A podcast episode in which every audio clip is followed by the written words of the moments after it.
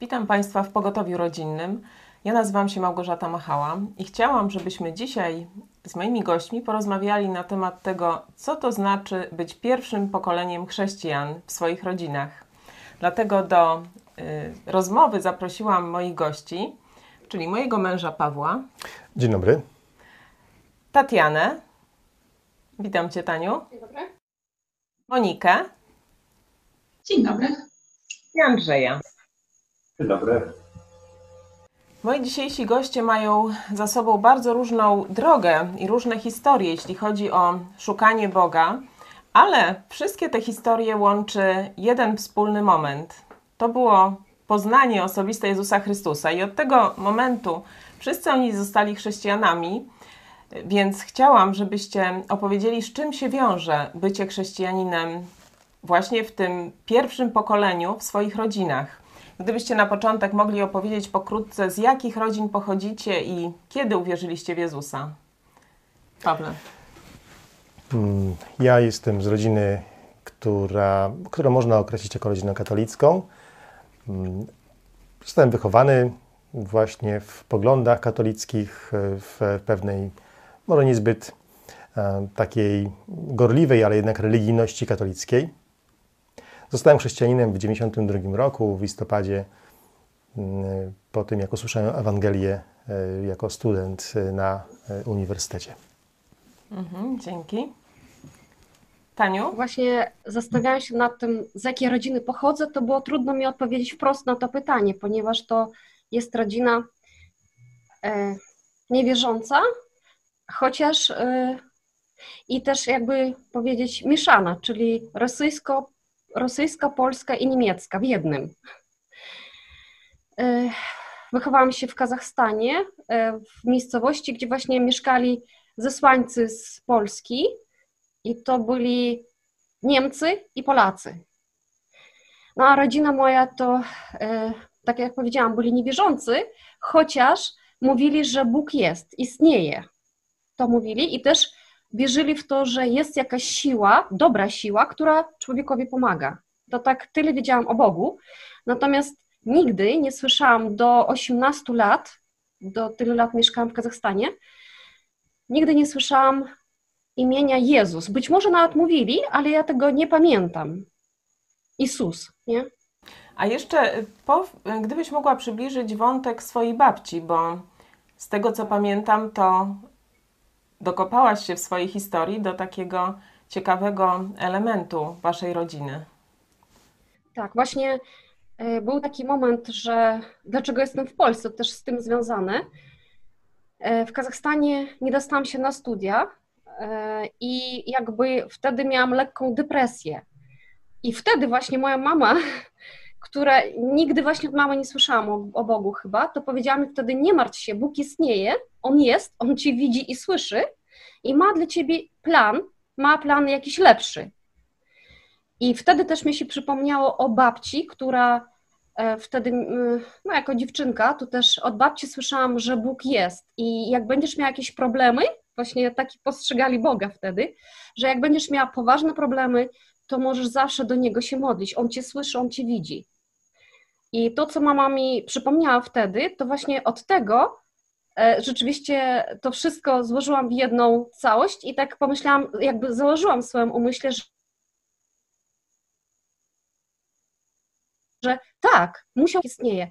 I wtedy pomyślałam, że chcę poznać prawdę o tym Bogu, jakikolwiek on by, i pójść za tą prawdą. To tak od tego się zaczęła. A babcia moja była Polką i później po już y, po wielu latach dowiedziałam się, że ona chodziła do chyba y, luterański tam, y, czyli oni po prostu ukrywali się z tą e, swoją wiarą. Katolicy spotykali się sobie, starsze babcie spotykały się i kultywowały tradycje katolickie i były też luterańskie albo baptystyczne. Mhm. E, A w domu właśnie i w szkole w ogóle nic nie było, nie wolno było mówić o Bogu, że Bóg nie istnieje. A kiedy zostałaś chrześcijanką? Kiedy dostałam się na studia do Polski i na drugim, na pierwszym roku spotkałam się z chrześcijanami, właśnie z Kościoła Nowego Przymierza, z tym, że ja wtedy ni, ni, nic nie wiedziałam o Bogu i też nie byłam zainteresowana za bardzo, ale już usłyszałam, że istnieją wierzący, którzy mówią o Jezusie, o tym, że zbawienie jest w Jezusie Chrystusie.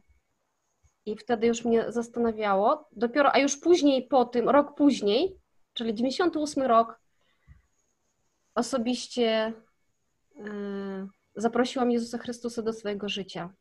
Dzięki. Moniko, u Ciebie jak to było?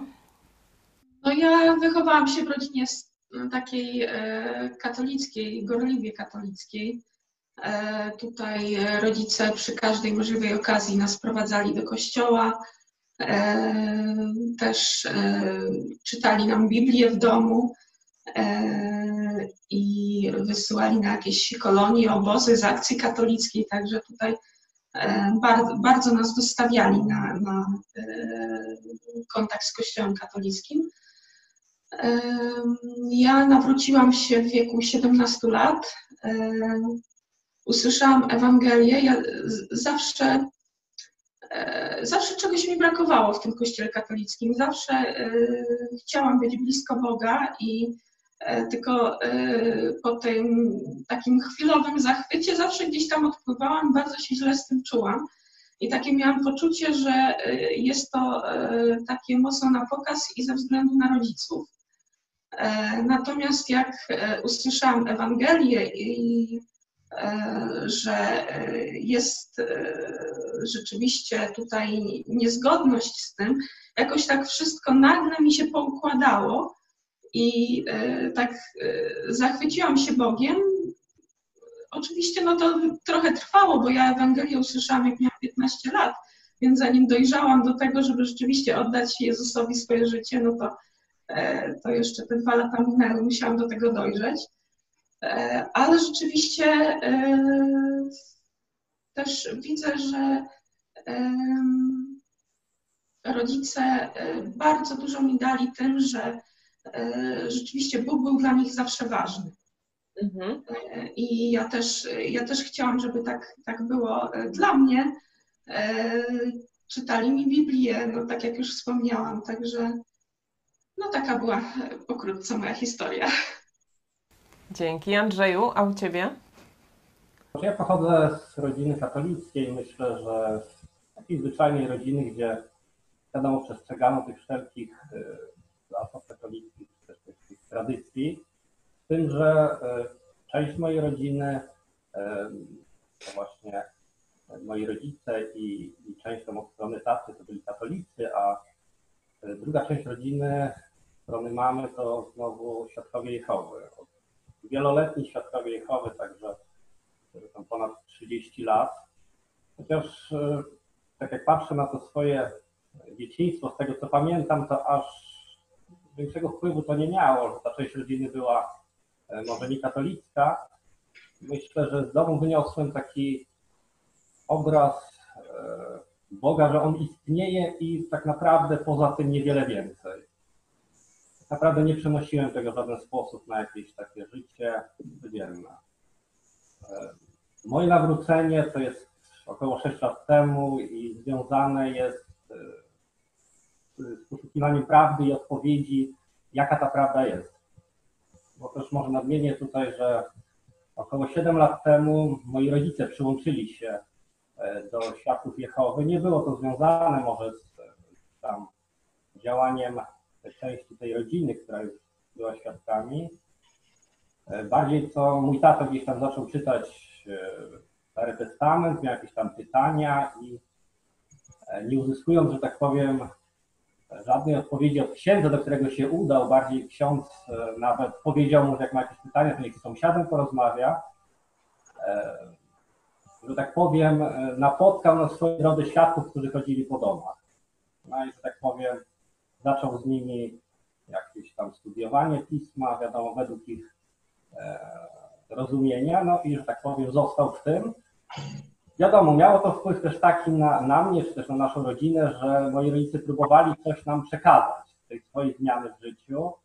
I jak tam odwiedzaliśmy, no to próbowali delikatnie o tym mówić. E, na pewno nam też oznajmili taką decyzję, że już nie są katolikami.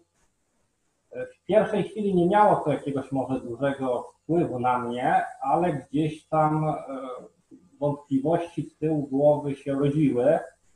Trwało to trochę i, i, i, i tak myślę, że około roku, jak sięgnąłem sam po Biblię, którą mieliśmy w domu. E, był to Nowy Testament, wydanie katolickie tysiąclecia z czasów, kiedy to moja żona była w Azie. No i zacząłem czytać. Chciałem poznać prawdę. Gdzie jest ta prawda? Czy, czy to, co do tej pory było prawdą, czy może jednak coś, coś czegoś nie wiem. I tak naprawdę moje nawrócenie, pójście za Jezusem e, jest wynikiem samodzielnego czytania Nowego Testamentu. A powiedzcie, z jaką reakcją spotkaliście się w swoim środowisku po tym wydarzeniu, że uwierzyliście w Jezusa? E, to znaczy tak, e, na pewno po tym jak nawróciłem się i zacząłem mówić o tym swoim rodzicom, czy, czy wśród znajomych, czy, e, czy w późniejszym etapie też rodzicom żony, te reakcje były różne. No, ze strony moich rodziców, no to było to raczej przyjęte w sposób i łagodny, i z jakimś tam zrozumieniem. No może dziwiło ich to, że nie poszedłem w ich ślady, bo oni wiadomo uważali, że tam jest prawda, ale też w żaden sposób nie, wiadomo, jakieś tam przykrości z tego tytułu nie miałem. E, bo tak jak powiedziałaś, no oni sami, że tak powiem, przeszli e, trochę wcześniej e, taki proces, wiadomo, jakiegoś niezrozumienia wśród otoczenia. Wśród znajomych bardziej było to kompletne niezrozumienie tego, co się w ogóle ze mną dzieje. Że przecież wcześniej byłeś taki, lubiłeś to czy tamto, lubiłeś w ten sposób spędzać czas e, z nami, nie wiem. A teraz nagle zaczynasz mówić jakieś takie rzeczy o Bogu, już sam fakt mówienia o Bogu też e, mówienia o Jezusie wywoływał albo zmieszanie, albo zdziwienie, albo no dobrze, to jest twoja sprawa, no, nas to za bardzo nie, e, nie ciekawi. E, od jednego kolegi tu usłyszałem coś takiego, że no dobrze, teraz jesteśmy dorośli, no to możesz sobie tak uważać i tak postępować, jak uważasz, ale gdybyśmy, gdybyś to powiedział jeszcze w czasach technikum, to na pewno byśmy na pewno byśmy się nie dogadali, no i byśmy nie znaleźli jakiegoś wspólnego, e, że tak powiem, kierunku myślenia czy coś takiego. Także te reakcje były bardzo różne. W rodzinie to część reakcji była taka, że jeżeli zacząłem mówić o swoim nawróceniu, czy też Ewangelię, no to gdzieś tam próbowali nie wiem, patrzeć w podłogę albo udawać, że, że dobrze, dobrze, kiwać głowami, a za chwilę, a za chwilę gdzieś tam udawać, że może nie wchodźmy w to głębiej. E, Także te reakcje bardzo różne, ale raczej w kierunku takiego patrzenia na mnie jak na kogoś dziwnego. Tutaj no, chciałam zapytać Ciebie, bo Ty jesteś w dość nietypowej sytuacji, bo byłeś synem swoich rodziców, który jako pierwszy y, uwierzył w Jezusa i to Ty przyniosłeś Ewangelię do domu. Mhm. Więc y, powiedz, jak u Ciebie to się odbywało, przyjęcie tej nowości? Myślę, że mama się po prostu zdziwiła tym, bo byłem raczej mm, zadeklarowanym wrogiem Boga przez y, czas mojej młodości, ale przyjęła to chyba z jakimś spokojem względnym. Na pewno było jej trudno, bo ja byłem przekonany, że znalazłem wielką, wielki skarb, że zaczęła się coś wielka sprawa i byłem przekonany, że no jak, że tak w oczywisty sposób rozumiałem Ewangelię i to, co Jezus zrobił dla nas, że męczyłem tutaj mamę szczególnie rozmowami, za każdym przyjazdem do domu, no to miała jakiś rodzaj takiego właśnie chyba z, z, jej, z, jej, perspektywy nawiedzonego człowieka, który próbuje ją przekonać do czegoś, co ona myślała, że już wierzy, bo to był ten problem, że ona myślała, że no, jak to, to mnie przekonujesz, a ja już wierzę w Jezusa. Ja jej chciałem, chciałem pokazać, że no, wierzysz w Jezusa, bo uznajesz Jego istnienie, ale nie wierzysz w to, co zrobił dla Ciebie na krzyżu. Nie przyjęłaś tego jako osobę, nie, nie jesteś jeszcze uczniem Jezusa, chrześcijanką. Ze strony taty nie miałem takich. E, tata uciekał przed tym tematem wtedy i nie chciał ze mną rozmawiać w ogóle. E, bardzo chętnie natomiast rozmawiał ze mną, e, moje rodzeństwo rozmawiało i, wkrótce też były tego owoce.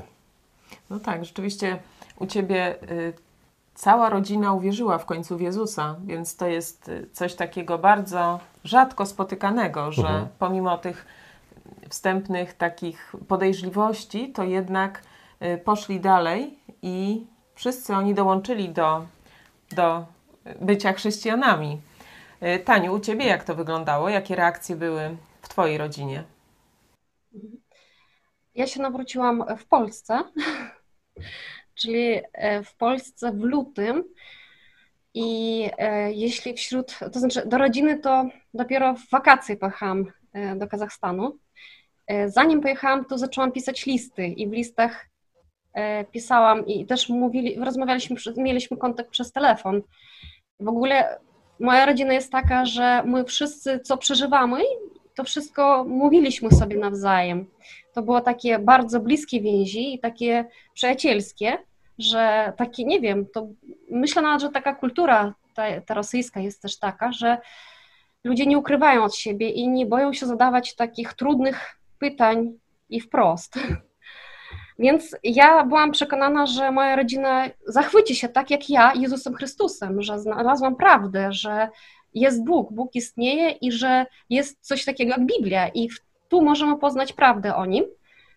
Wreszcie taką jasną i oczywistą. Mm, to tak, y, zanim pojechałam, jeśli chodzi o moich znajomych na studiach w, w Polsce, obserwowali mnie i mówili, że no, zmieniłaś się, że jesteś inna i że no, nie oglądasz już filmów, które wcześniej oglądaliśmy razem, nie przyklinasz. No i jedna z osób powiedziała mi, że straciłam przyjaciółkę. Wtedy mnie to tak jeszcze bardziej utwierdziło, że jestem w dobrym, no idę w do, dobrą stronę, że e, natomiast później już pojechałam do Kazachstanu, e, już wakacje, czyli po sześciu miesiącach chyba, tak mniej więcej, bycia chrześcijanką, to w domu na, napotkałam taki bardzo poważny opór. Przez trzy dni nie rozmawiali ze mną w ogóle. Prezenty, które przywiozłam rodzinie, też nie chcieli nawet zajrzeć, czyli postanowili e, wziąć, nie wiem, nie wiem, mi się tak wydaje, że to jest jakby zachowanie takich, no nie wiem, komunistyczne, że czekali, że po prostu muszę się wyrzec tego i tyle. Po prostu będziesz taka jak my. To była coś, to była taka konkretna walka. Albo będziesz taka jak my, albo ja muszę być taka jak oni, albo oni taka jak ja. Czekali na to, rozmawiali ze mną długo, żebym wyrzekła się tego, w co wierzę. I, i też zabrali mi Biblię e, pewnego dnia. Na co właśnie stwierdziłam, no jeśli już zabierają mi Biblię, to teraz jestem młodą chrześcijanką i nie będę wiedziała, co im powiedzieć. Wtedy od razu zaczęłam się modlić do Boga, żeby Biblia wróciła, przynajmniej Biblia. I po trzech dniach też Biblia wróciła na to samo miejsce. Ja się dowiedziałam, że e, moja rodzina, moja mama z, ze swoim rodzeństwem pojechali do profesora filozofii i zapytali go, z czym mają do czynienia. Na co profesor filozofii powiedział, że Biblia nie zaszkodzi, Biblia może czytać i że to nawet dobrze, ja też czytam, natomiast z grupy powinna e, wyżyć się w tej, w tej grupie, której jest. Nie nazywali, z szacunku do mnie nie nazywali sektą kościoła, w którym byłam. Także tak to wrogo przyjęli i walczyli właśnie później, zaczęli walczyć, że już mogłam czytać Biblię, ale powinnam była wyrzec się, że to znaczy postawili mi taki ultimatum, że pojadę do Polski na studia dalej pod tym warunkiem, że wyrzeknę się, że nigdy nie pojadę do Lublina do kościoła. Niestety ja poszłam na kompromis. W takim sensie taki pozorny kompromis, że ugięłam się i powiedziałam, dobrze, nie pojadę do Lublina nigdy. Chociaż tego samego dnia tą swoją taką decyzję, to, to, to znaczy to, co powiedziałam, przemyślałam i stwierdziłam, nie, ja poznałam Boga, ja nie chcę z tego zrezygnować. I ja nie widzę nic złego w tej, w tej grupie, tak jak nazywali, w tej grupie nic złego, co jest, co mnie szkodzi, albo no, poznałam nawet, wiedziałam jak żyją i, i co mówią, także i wiedziałam o doskonale o tym, że moja rodzina o tym nie wie, nie widziała ty, ty, moich znajomych z kościoła i nie może też tak mówić. I po, w tym samym jeszcze dniu postanowiłam, że ja jednak pojadę do Lublina. Mhm. No ale niestety nie powiedziałam tego mamie. I pierwszy raz w życiu oszukałam bardzo poważnie, pierwszy raz w życiu oszukałam swoją mamę. E, Bóg właśnie ułożył okoliczności w ten sposób, że e, po kilku latach udało się mamie przyjechać do Polski. I to znaczy, to chyba też było tak, że działanie Boga, że Bóg, czyli moja mama jakby obraziła się na mnie, co było zrozumiałe, i ja ją przeprosiłam przez telefon, że oszukałam, wyznałam, że to jest grzech, źle zrobiłam. Mama długo nie mogła z tym się pogodzić, ale po kilku latach pogodziła się z tym i wtedy mogła przyjechać, była taka możliwość, że mogła przyjechać do Polski i już przyjechała z takim nastawieniem, co od razu powiedziała mi, że przyjechałam, zrozumiała, że jesteś dorosłą osobą, tak mi powiedziała, jesteś dorosłą osobą i ja nie chcę z tobą walczyć, ja ci wybaczam, też mi to powiedziała i chcę poznać tych ludzi, z którymi ty przebywasz. Po to przyjechała do Polski.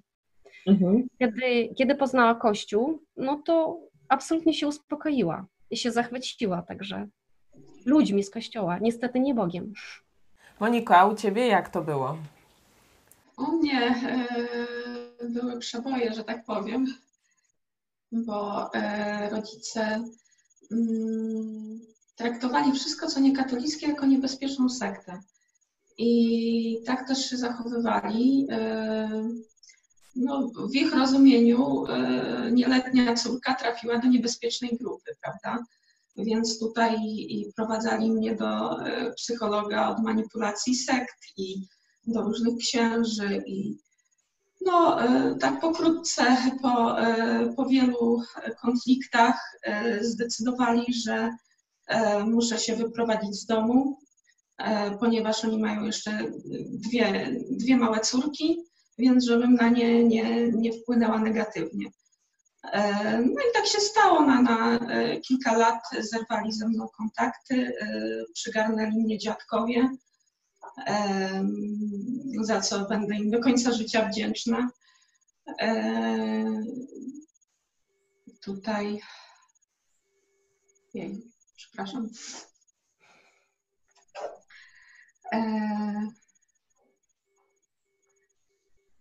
No, po kilku latach troszkę te kontakty się e, poprawiły. E, jak wyszłam za mąż, pojawiły się dzieci, no to już te kontakty stały się dużo lepsze. Natomiast no, rzeczywiście e, tych konfliktów było wiele. E, ja mm, byłam zawsze bardzo przywiązana do rodziców, do tego stopnia, że był taki epizod, e, że powiedziałam dobrze, byłam już tak e, zdesperowana, powiedziałam, że dobrze, ja zrezygnuję z Boga ze względu na rodziców e, i mówię, zostanę w domu. Po dwóch latach, no, mm, wyrzuty sumienia nie, nie, nie dały mi normalnie funkcjonować. Ja E, podjęłam tą decyzję, że e, chcę iść za Bogiem tak, jak Bóg tego ode mnie oczekuje i że muszę słuchać bardziej e, Boga niż ludzi. No i powiedziałam wtedy rodzicom, że, że taką podjęłam decyzję.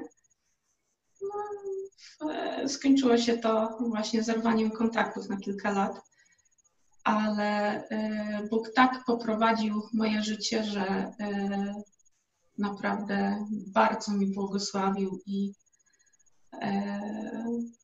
no mówię, to życie z Bogiem to jest wielka przygoda, nawet jeśli spotykamy się tutaj z różnymi takimi sytuacjami, które są dla nas trudne, to Bóg zawsze jest, jest ponad to i, i nawet w tych najtrudniejszych chwilach trzyma nas zawsze za rękę. Także dzięki. Zmiana perspektywy, jaka u Was nastąpiła, widać, że nie zawsze szła w parze i zwykle nie idzie w parze ze zmianą perspektywy u naszych rodzin.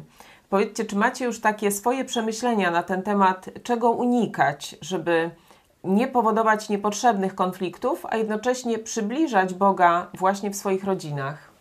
Pierwsze, co tak e, przychodzi mi do głowy, to właśnie taka sytuacja e, mm, z jednym z pierwszych kontaktów, które miałam później po, e, po tej właśnie dłuższej rozłące z rodziną. zaprosili mnie na święta. Ja nie pamiętam, czy to było właśnie Bożego Narodzenia, czy Wielkanoc, nieistotne. W każdym razie była dość napięta sytuacja i dopiero po, po kilku miesiącach dowiedziałam się, że rodzice byli pod wrażeniem, że ani nie wywoływałam konfliktów, gdzieś tam nie, nie próbowałam ich nawracać, przekonywać jakoś, że E, złożyliśmy sobie normalnie życzenia, że, że mogliśmy się zachowywać normalnie. Więc myślę, że e, to bym właśnie radziła, bo e, takie, że tak powiem, na siłę przekonywanie rodziny do czegoś, czego oni nie chcą, no to to może rodzić tylko nie, niepotrzebne konflikty. Natomiast E, zawsze oczywiście trzeba być gotowym do rozmów, jeśli e, ta rodzina sobie tego życzy, prawda? E, bo i takie sytuacje się zdarzają i nie powiem, jest to bardzo przyjemne, że można sobie porozmawiać wtedy swobodnie. Mhm. Monika prawie wyczerpała temat. Bardzo mi się podoba ta postawa. Taką, taki bym każdemu wierzącemu młodemu życzył. Rozumienia tego, że nie można mówić do kogoś, kto nie chce słuchać. To ma odwrotne skutki od, od takich, jakie byśmy chcieli osiągnąć. Chcemy, żeby nasi bliscy uwierzyli w Jezusa, ale chrześcijaństwo to jest, to jest reprezentowanie Chrystusa, jest wielowymiarowym e, rzeczą. On, pokazujemy, że jesteśmy chrześcijanami przez to, co mówimy, ale kto wie, czy czasami często nie bardziej przez to, jacy jesteśmy, jak postępujemy. Dlatego Właśnie zobaczmy, jak Monika powiedziała, że na rodzicach zrobiło wrażenie nie to, co im mówiła, tylko to, jak się zachowała. I wtedy zobaczyli, że no, ona się zmieniła. Dlatego bym sugerował zastanowienie się, zobaczenie, żebyście zobaczyli jako młodzi wierzący, gdzie powstają konflikty w rozmowach, z, czy w rozmowach z kontaktach z, rodzic, z rodzinami. Być może niektóre z nich sami powodujecie. I nie powodować konfliktów, szukać, szukać nie zgody ekumenicznej, że wszyscy mają rację, ale pogodzić się z tym, że y, zmiana polegająca na uwierzeniu w Jezusa jest ogromną zmianą, wymaga często czasu i wymaga cierpliwości od tych, którzy Jezusa reprezentują. Mhm. No, bardzo ważny wątek, że żeby nie prowadzić wojen religijnych. Y, Taniu, ty jakie masz przemyślenia? Trudno z rodziną, ponieważ ja mam 5000 kilometrów nas dzieli, a widzę się z rodziną przez internet, czyli przez Skype'a. I to, to, to, to, że na pewno zabiegać o kontakt, czyli ja muszę e, nie tak zmuszać się i informować, co u mnie się dzieje, tylko rzeczywiście podejść z taką, to, to znaczy ja nawet nie muszę się zmuszać, tylko mnie tak wychowali w domu, że tak jakby rodzinnie traktować z miłością i rozmawiać, co o was słychać, interesować się i no i tak bardzo regularnie, żeby nie martwili się, że mnie przypadła i nie wiadomo, co się dzieje na kilka dni. E, też właśnie szukam jakby takiego, takie prostych rzeczy, o czym możemy porozmawiać o Bogu, gdzie już możemy rozmawiać, a gdzie nie. Także z mamą. Na pewno teraz, jak była ta sytuacja z koronawirusem i że wszyscy się tak bali, no to tutaj udało mi się troszeczkę z mamą porozmawiać. E, także i z tatą. Chyba z tatą mi jest łatwiej niż z mamą. Mama bardziej emocjonalnie podchodzi do sprawy i się nie poddaje bardziej, bardziej się nie poddaje, idzie zaparte, a tata stara się słuchać, więc i to też zobaczyłam, że jeśli mama mówi, że nie chce o tym rozmawiać, to tak jak Paweł mówił, to nie rozmawiać. Czekam, aż sami zaczną rozmawiać. I rzeczywiście w przeciągu tych 20 lat udało się z tatą, który nie jest, tak sam tak mówi, on mówi, że ja nie chcę w ogóle słyszeć o Bogu, ja jestem komunistą, Bóg nie istnieje. Ale w przeciągu tych 20 lat udało się z tatą porozmawiać, powiedzieć o tacie, o tym, że będzie czypowanie ludzi o znaku 666 i to o, to, o tej informacji możemy znaleźć w Biblii, tą informację możemy znaleźć. I tata bardzo uważnie słuchał, także był zainteresowany. Także czekać na, na to, kiedy sami zapytają o Boga, albo sytuacja ich zmusi do tego. Andrzeju, a ty jakie masz doświadczenia? Ja myślę, że też, przepraszam, nie możemy dać odczuć y, rodzinie jakiegoś takiego uczucia, że jesteśmy lepsi. Pewno nie możemy y, starać się ich umoralniać. Wiadomo, że jako chrześcijanie inaczej postrzegamy grzech i czasami nam on bardzo mocno przeszkadza też w zachowaniu naszych bliskich, kiedy widzimy wszechobecne bałwochwalstwo, wiadomo, urodzin, które są katolickie. Dlatego nie możemy dać im odczuć takiej, czegoś takiego, że jesteśmy od nich lepsi. Mamy starać się pokorze, jak najbardziej zrozumiale i jak najprościej mówić im Ewangelię, ale też e, starać się postawić e, tak jakby w ich miejscu. I to jak oni mogą nas teraz postrzegać. No i na pewno musimy też uzbroić się w cierpliwość i dać im czas zaobserwować nasze życie. Jeżeli to jest możliwe, aby obserwowali nas, jak żyjemy, jakie, jakich decyzji dokonujemy, jakich wyborów, wtedy możemy też uzasadniać, na przykład nie zrobiłem tego, ponieważ to czy tamto, tak? Ponieważ opieram się na Biblii, nie zrobiłem na przykład w związku z wychowaniem dzieci pewnych rzeczy, bo ważne jest dla mnie to, czego Bóg oczekuje w tej, w tej sprawie. Ale tak jak mówię, raczej czas jest tutaj też ważny i, i krok też z tych stron.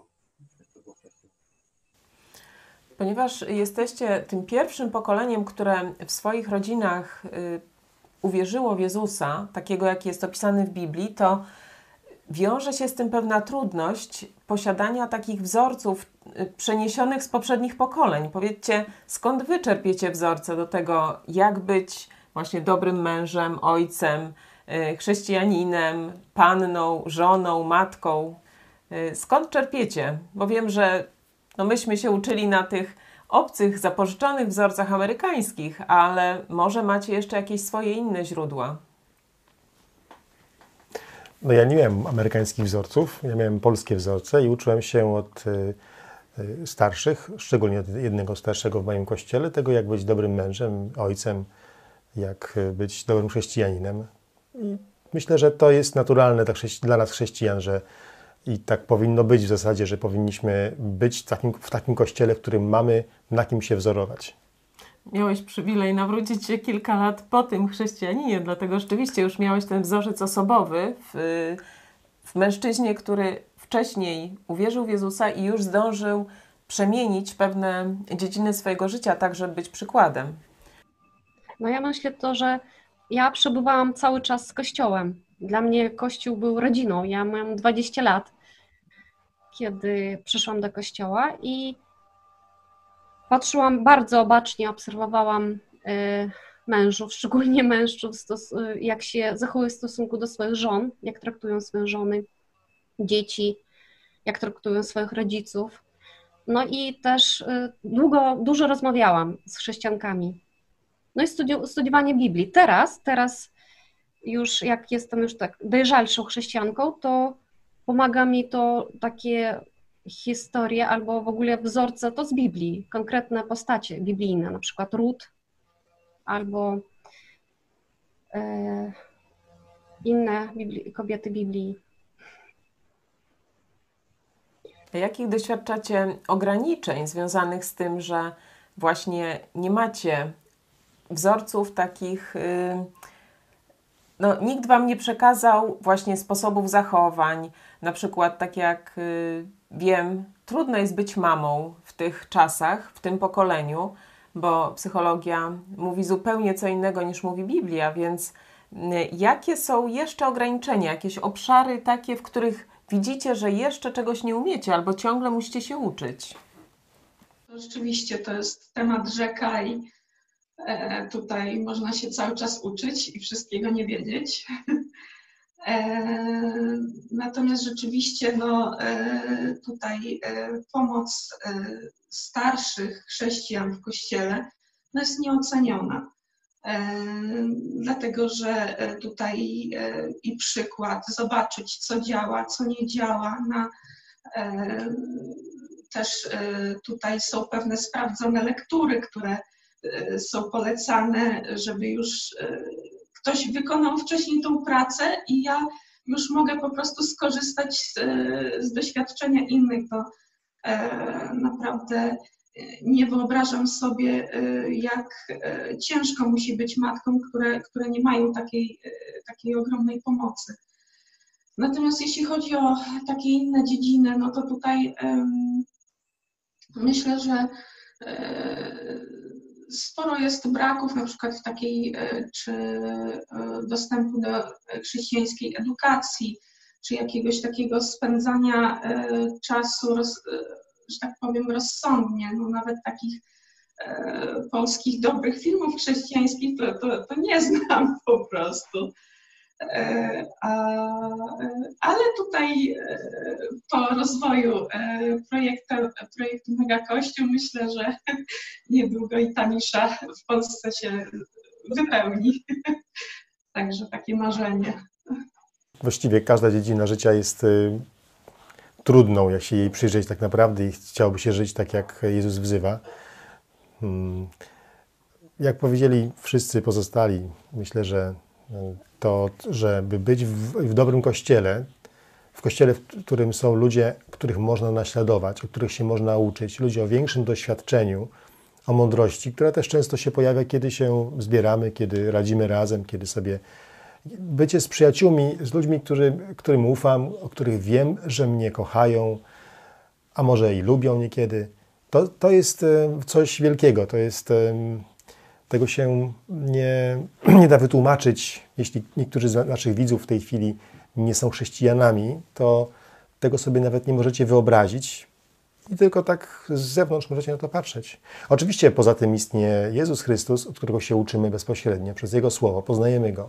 Uczymy się e, tego, jakim być w życiu, podobnym do Niego, w jakich aspektach, w jaki sposób. To, to oczywiste, czy książki, o których Monika mówiła, liczne czy książki, filmy, które mogą pomagać w takich rzeczach, ale mówimy o tym takim społecznym problemie, jaki wynika z mhm. tego, że nasi rodzice nawrócili się po nas. Moi rodzice nawrócili się po mnie, tak powiem, albo więc e, nie byli dla mnie wzorem rodziców chrześcijańskich jeśli tak mogę powiedzieć. Oczywiście byli wzorem, dalej są w wielu rzecz, rzeczach innych I, i, jako chrześcijanie mamusia moja żyje i, i jest, e, jest dla mnie wielkim wzorem wciąż. Ale tak, myślę, że to jest, to jest nieocenione, Monika użyła tego słowa, nieoceniona rzecz, mieć wokół siebie innych chrześcijan, którzy kochają Jezusa Chrystusa, którzy chcą żyć tak, jak On przykazał albo przykazuje, i wychodzi im to, udaje się im, mają, mogą się pochwalić dobrze wychowanymi dziećmi, dobrze funkcjonującymi rodzinami, kochają, jeśli to jest mąż, to kochającą żoną, czy, czy żona kochającym mężem. To są osiągnięcia bardzo trudne i, i rzadko spotykane w świecie i myślę, że Kościół jest rzeczą nieocenioną, jest miejscem nieocenionym. Mhm. A co chcielibyście zostawić młodym wierzącym, tym, którzy przyjdą po Was, żeby im było łatwiej stawiać te pierwsze kroki wiary. Może właśnie powiedzcie pokrótce o tym, co już zrobiliście, w co angażowaliście się, żeby właśnie innym było łatwiej. Taniu, może od Ciebie zaczniemy, bo Ty niedawno dokonałaś pewnej rzeczy, która była dla Ciebie trudna, ale na pewno bardzo pomoże młodym wierzącym. No właśnie, mam, mam taką nadzieję, bo przetłumaczyłam tą ulotkę i też film na język rosyjski, koronawirus i co teraz. A po rosyjsku to brzmi koronawirus i co теперь. E, bardzo polecam. Także i liczę na to, że wiem, że bardzo dużo jest y, Polaków, y, którzy wrócili do Polski z Kazachstanu albo z Ukrainy, z Białorusi, z Litwy.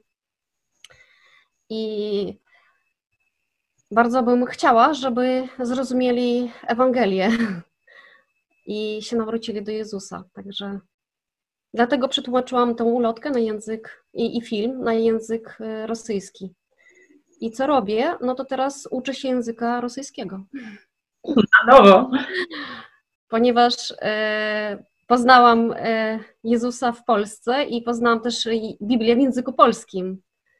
E, Biblia w języku polskim jest taka e, zrozumiała, bardziej zrozumiała niż w języku rosyjskim, przynajmniej w tamtych latach. Mam naprawdę trzy, pięć Biblii w domu, ale one są takie bardzo poetyckie i myślę, że to zniechęca Rosjan do czytania Biblii. Jest niezrozumiała po prostu wiedząc też o tym, że nie ma, tam nie ma kościołów, to znaczy może teraz już są, ale na pewno wtedy, kiedy byłam, to 10-20 lat temu, to nie było chrześcijan, e, takich fizycznych kościołów. Musieli się ukrywać, jeśli byli, bo byli. I też wiedziałam, że materiały, e, kiedy miałam właśnie 12 lat, 10, 12 lat, e, to znalazłam materiał taki Pismo k Ciebie, list do ciebie. To jest Ewangelia Cztery Kroki w języku rosyjskim tam w Kazachstanie. I później, kiedy już byłam chrześcijanką wierzącą i pojechałam właśnie po nawróceniu do Kazachstanu, kiedy zabrali mi Biblię, to zaczęłam szukać czegoś innego. Jeśli Biblia, to może coś innego. I znalazłam też e, chrześcijańskie książki w Kazachstanie, w rodzinnym domu. Także to mnie inspiruje do tego, żeby nasze materiały, filmy, gazety przetłumaczyć na język rosyjski. Albo troszeczkę tłumaczę. Teraz, dopiero teraz. Mhm. I właśnie no, modlę się do, do Boga, żeby żeby Polacy z Kazachstanu poznali nie tylko, no to tak, w, w ogóle odzyskali może twoją, swoją tożsamość też, że są Polakami i że mogą być z tego dumni, no i żeby zostali chrześcijanami. Dzięki. Moniko, ty działałaś w Twoim ruchu. Przy, przybliż nam trochę y, ten sposób docierania do młodego pokolenia. Tak, tak. No, e, to była, że tak powiem, no, świetna przygoda. E, tutaj działanie w Twoim w Fundacji Twój Ruch. E, prowadziłam warsztaty z Photoshopa. E, tutaj też e, między innymi organizowałam wspólnie oczywiście z innymi warsztaty dyskusyjne w Nałęczowie.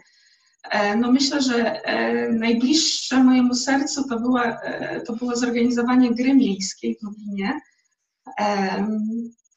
Dlaczego najbliższe? Ponieważ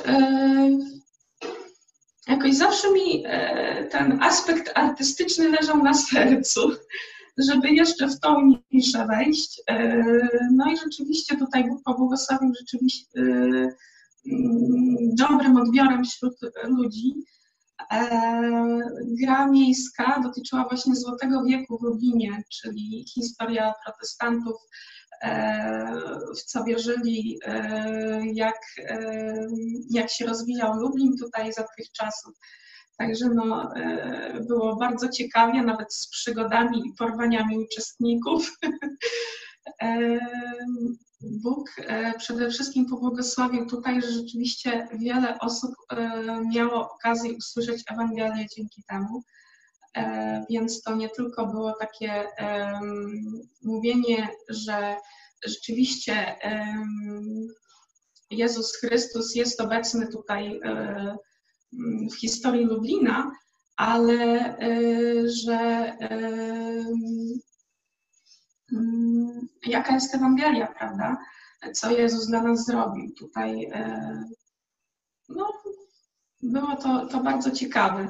Jeśli chodzi o takie jakieś następne projekty, no to na razie jest to na etapie, że tak powiem, e, marzeń, ale znalazłam już ludzi, którzy mają podobne marzenia. No to czekamy, ale właśnie jeszcze to, co powiedziałaś, że ta platforma do działania dla młodych ludzi, Twój ruch, e, ona była inspirowana nastolatkami amerykańskimi, oparta w dużej mierze na książce Rób trudne rzeczy, więc to jest rzeczywiście takie wyzwanie. Każde pokolenie ma te swoje trudne rzeczy, które musi zrobić, żeby pójść dalej. Także dzięki bardzo. Dokładnie, wyjść ze swojej strefy bezpieczeństwa. Tutaj no, ta e, gra miejska to była dla mnie no, wielkim wyzwaniem i rzeczywiście wyjściem ze swojej strefy bezpieczeństwa, nigdy nie byłam otwarta, jeśli chodzi o obcych ludzi, a tutaj trzeba było wyjść rzeczywiście i pozałatwiać różne rzeczy i, i spotkać się face to face. Także no, polecam młodym, róbcie trudne rzeczy, bo warto. Pawle, przypomnij jeszcze, co ty robisz, żeby nowemu pokoleniu ułatwić wejście na tą ścieżkę bycia chrześcijaninem. No, ja zajęłam się przez tych 24 lata naszego małżeństwa mm, napełnieniem mojego kołczanu i y, mam, mam go, mam, mamy z Twoją pomocą udało się go napełnić i mm, dużo rzeczy, które ja chciałem robić lub chciałbym robić, a nie mam na to czasu, robią moje dzieci e, dla Boga. I to jest dla mnie wielka y, sprawa. Ale sam niekiedy też y, coś gdzieś działam. Kilka rzeczy bardzo lubię robić. Y, lubię mm, na przykład prowadzić młodych wierzących. Lubię spotykać się z nimi i tłumaczyć im chrześcijaństwo, pomagać im, pocieszać, zachęcać. Lubię bardzo um, tworzyć rzeczy, także gdzieś tam coś napisałem, gdzieś coś przetłumaczyłem. Um, dzięki temu, że żyjemy, czy jesteśmy w kościele, który jest bardzo aktywny, na przykład na polu um, głoszenia prawdy o stworzeniu, miałem i mam okazję brać udział we wspaniałych projektach wraz z innymi bardzo utalentowanymi ludźmi e, gdzieś tam coś właśnie tłumaczyć, coś prowadzić. To jest to, to można powiedzieć, e, e, to nie jest schyłek mojego życia jeszcze, ale jest to jakiś rodzaj, rodzaj wielkiego, mm, wielkiego, ekscytującego etapu. Mm. No, jeszcze tylko tak dodam, że właśnie to, że tworzycie, tworzymy bazę materiałów kreacjonistycznych mhm. już w polskim języku, to to jest takie bogactwo. Rzeczywiście miałeś okazję tłumaczyć zarówno wykłady Ryka Howinda, jak i wcześniej profesora Mortensona i też ukazały się książki takie, które dotyczą kreacjonizmu tutaj na polskim rynku. Natomiast no, dla mnie najwspanialszą rzeczą to są chyba te piosenki chrześcijańskie, które stworzyłeś i no które jest, śpiewamy. Jest, jest ich kilka. Mam wielką przyjemność e, zaśpiewania ich e, w kościele z braćmi siostrami. Jeszcze wspomnę tylko, bo ostatnim projektem jest radio internetowe i tutaj to, co powiedziałeś o dzieciach, to jest o tyle ważne, że e, stworzyliście, stworzyliśmy taką platformę właśnie dla tych dzieci małych, dla dzieci, ludzi wierzących, ale nie tylko, pod nazwą Wieczorek. I tutaj pojawiały się dobre bajki lub dobre historie, które są opowiadane właśnie dla dzieci, żeby one wzrastały już na dobrych wzorcach. Z tego się też bardzo cieszymy. I to się rozwija i śledźcie nas proszę, jeśli macie małe dzieci i chcielibyście zadbać o to, żeby mm, dobrze się bawiły, a jednocześnie uczyły, to myślę, że nasze audycje Radia Idź Pod Prąd przyjdę Wam z pomocą. Andrzeju, jeszcze chciałam Ciebie zapytać, bo Ty jesteś najmłodszym wierzącym w tym gronie, więc Ty już w dużym stopniu korzystasz z tej pracy, którą wykonały, wykonali wcześniej chrześcijanie. Gdybyś mógł powiedzieć, co dla Ciebie jest takie szczególnie pomocne? Myślę, że przepraszam, korzystam z e, praktycznie wszystkiego, co jest e, proponowane przez, przez Kościół. Jeżeli chodzi o projekt Mega Kościół, na pewno daje e, możliwość takiego teraz już nawet codziennego spotykania się i budowania takiej relacji z innymi wierzącymi, nawet w tak trudnym czasie, jaki mamy teraz. A mnogość e, nauczań i różnych programów i taka duża różnorodność tych programów na pewno jest bardzo przydatna w takim codziennym życiu i w takim zastosowaniu wielu praw Słowa Bożego i tych Bożych standardów w tym, jak postępować na co dzień, jak postępować w relacjach w domu, z dziećmi, czy też z żoną, ale na pewno też nie mogłoby się to stać, gdyby tak wiele osób nie, jednak nie zaangażowało się tak mocno i nie poświęciło tego swojego czasu tak maksymalnie, abyśmy my mogli z tego korzystać. Także myślę, że korzystam z e, wielu aspektów, wręcz można powiedzieć w różnym stopniu ze wszystkich. Mhm, dzięki.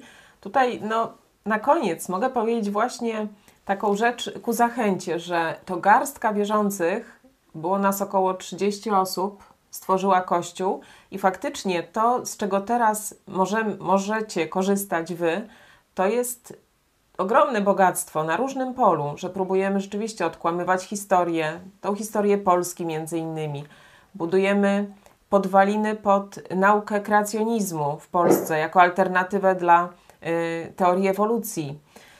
Ale też wychowujemy młode pokolenie i dzieci, i młodzież ku temu, żeby miały dobre wzorce w przyszłości.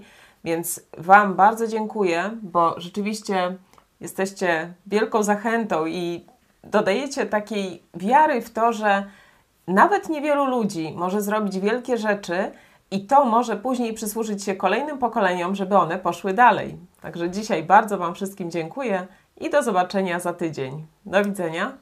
Dziękujemy Tobie i do widzenia.